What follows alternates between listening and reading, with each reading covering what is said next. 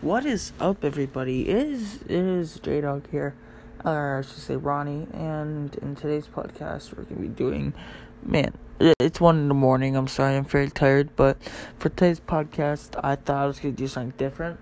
Uh, I thought I was gonna, I th- I thought it would be something. It'd be very fun to go into my favorite topic.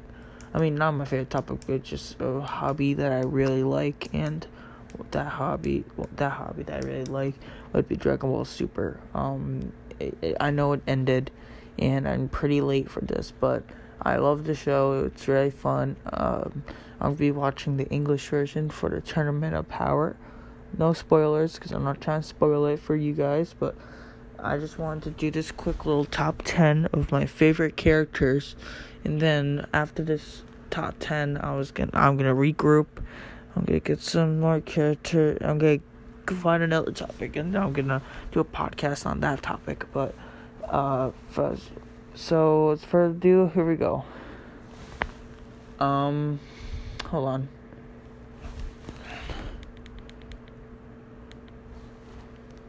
Hold on, hold on, guys. I'm sorry. I'm very sorry.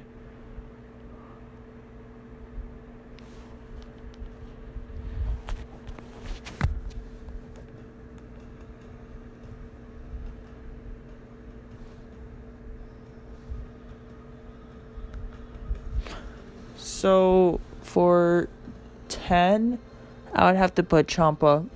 So the reason why I'm putting Champa another 10 is that he, because in my opinion, he's a little bit sloppy. He's a little bit, he feels a little bit rushed. He feels a little bit, how do I put this? He feels a little bit, you know, um, just sloppy, rushed, and a little bit kind of like fast paced almost. But I really like the concept of Beerus having a brother, and Universe Six and Cabba and all of them. I really, really, really, really, really like that concept, and I feel like Champa does not deserve to be anything higher than ten. But at the same time, he does not deserve to be anything lower than 10. Number 9, I would have to put Kale now, the reason why I'm putting Kale at number nine is because I love the character. I love the how there's a f- form of Broly that is canon, and I love that fact. But I feel like Kale was kind of kind of suffers from the same thing that Champa did. He she was a tiny bit rushed, but um, I would put Kefla on this list, but really, Caulifla is on this list too, but she's a little bit higher, so I didn't want to just include Kefla. I just wanted to include both of these guys separate um, to make both of them have their almost se- seemingly almost meanings, you know. But I think the the thing about Kale is I really like her whole female Broly. I love the whole Berserk thing. I think it's a great, great, great, great, great concept. Um, I feel like they're going somewhere with that. Um, I feel like it's gonna be great in the English dub. I just hope they don't get a freaking some kind of girl that sounds like. Nah, it sounds really weird in the Japanese version. But moving on to number, moving on to number eight. You guys are gonna probably be mad at me about this. Um, that this guy's higher than Kale and Champa but I really don't care at all. Okay? Um, I feel like that Krillin, I really like what they did with Krillin. Um, I really like his whole, just his whole, I, I just feel like Krillin is a great character. I feel like Krillin has been there since the beginning. I feel like Krillin has just been a really, really, really, really important, important character to the story made Goku turn Super Saiyan for the first time. That's really, really important. Had a clash with Goku that one episode. I just I just have a good feeling about him, you know. Um, now that I think about it, if I would put Krillin at ten and move Kale up to eight and move Champa up to nine, I would do that. And I'm gonna put uh, I, hold on real quick. I'm just gonna put Krillin at ten, Champa at nine, and Kale at eight. Okay, but I now that I think about it, I think Krillin should be at ten, but I just wanted to put Krillin on this list.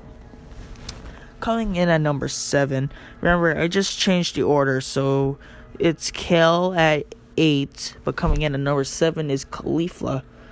Um, I really like Caulifla in this in the Dragon Ball series. I really like her old character. Um, I feel like she's has more concept and more character than Kale. That's why I put her at a higher list. But I love, I, I just really love Caulifla in this series, and I know a lot of people hate the fact uh, how she got so strong in so short time. But I really, I was really hoping that she would go Super Saiyan three, but she didn't. But she didn't. But you know, you can't always get anything, everything that you want. Um, coming in at number six is Jiren. Um, I love Jiren in the series. He's a really good character in my opinion, and the animated, the the level of detail that he had in the series was outstanding. It was phenomenal. Okay, it was really, really, really good. But I just love I just really love Jiren in the series. I I know a lot of people hate him. People saying Broly, Broly, all this, but I don't give up. I don't care. Okay, he's a really good character, my opinion. He was very crucial to the tournament of power.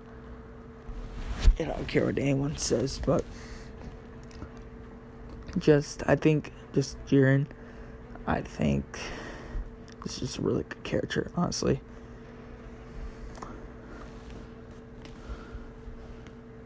Um. Okay, um. Coming at number five, I have to put. Um. Who is this? Hold on, my handwriting's very sloppy, but. It was. Oh, it was Goku Black.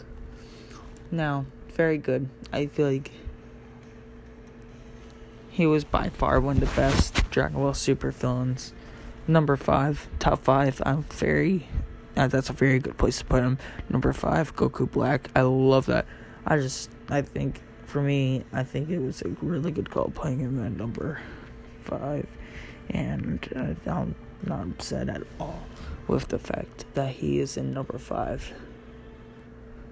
Going on to number four is main the main character and yes the main character goku now i know some of you guys might be like you know he doesn't really deserve to be like top five he's the main character but i'm i'm I, come on come on it's goku ultra instinct man like oh my god it's crazy man i i just love goku in dragon ball super except for his stupid retarded moments in the in the dub. But other than that, I think he's a really good character. Um, I, I don't mean the voice actor for Goku. The voice actor for Goku in the dub is amazing, but whenever he acts like Goofy and then he like drops down like in this weird position, it's kind of stupid and goofy. But other than that, I just love Goku in the in the Tournament Power. I just love the whole Ultra Instinct man, just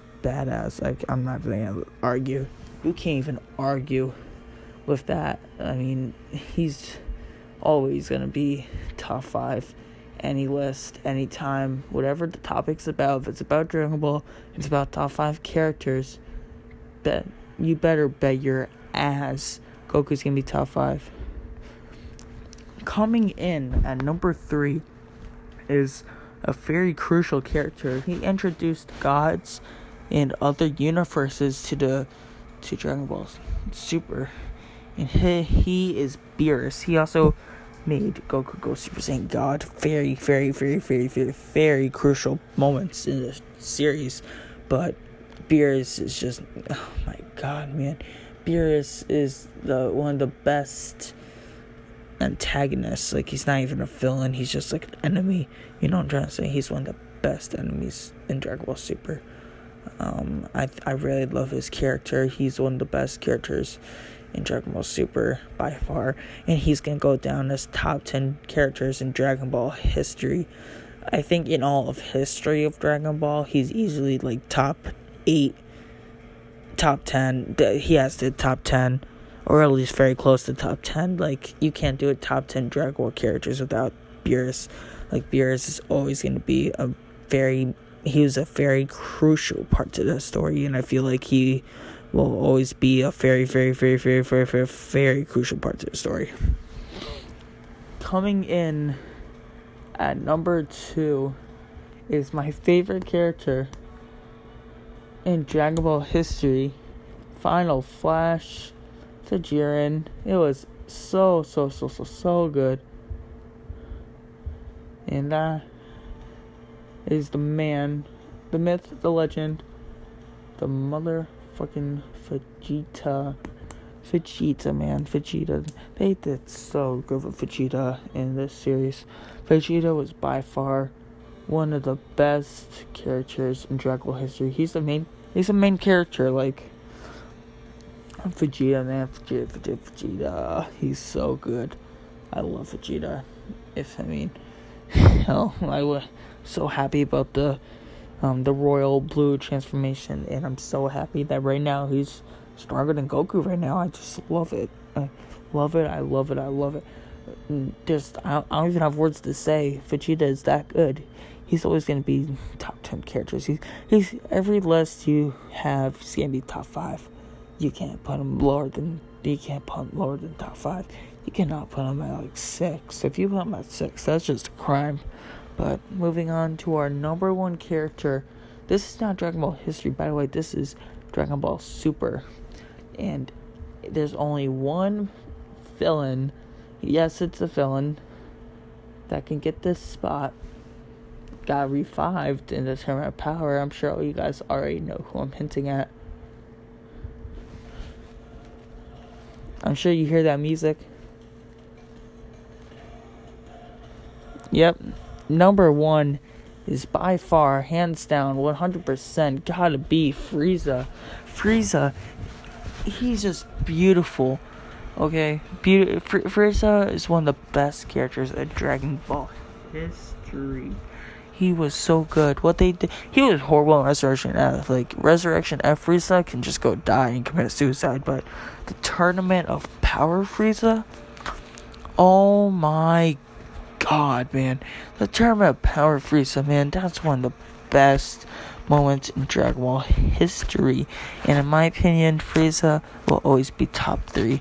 He will always be top three Dragon Ball characters. Frieza is the best, man. I love Frieza in terms of power, and, and you can't even argue with Frieza, man. Frieza, you, you who hates him? I don't even know a person that hates Frieza. Frieza is just so good, man. Well, that concludes for this podcast. Leave a like. Um, I, don't know. I'm so used to YouTube because that's what used to be my main thing, YouTube. But if you guys enjoyed, please tune in to the next podcast. This has been J Dog. It's logging out.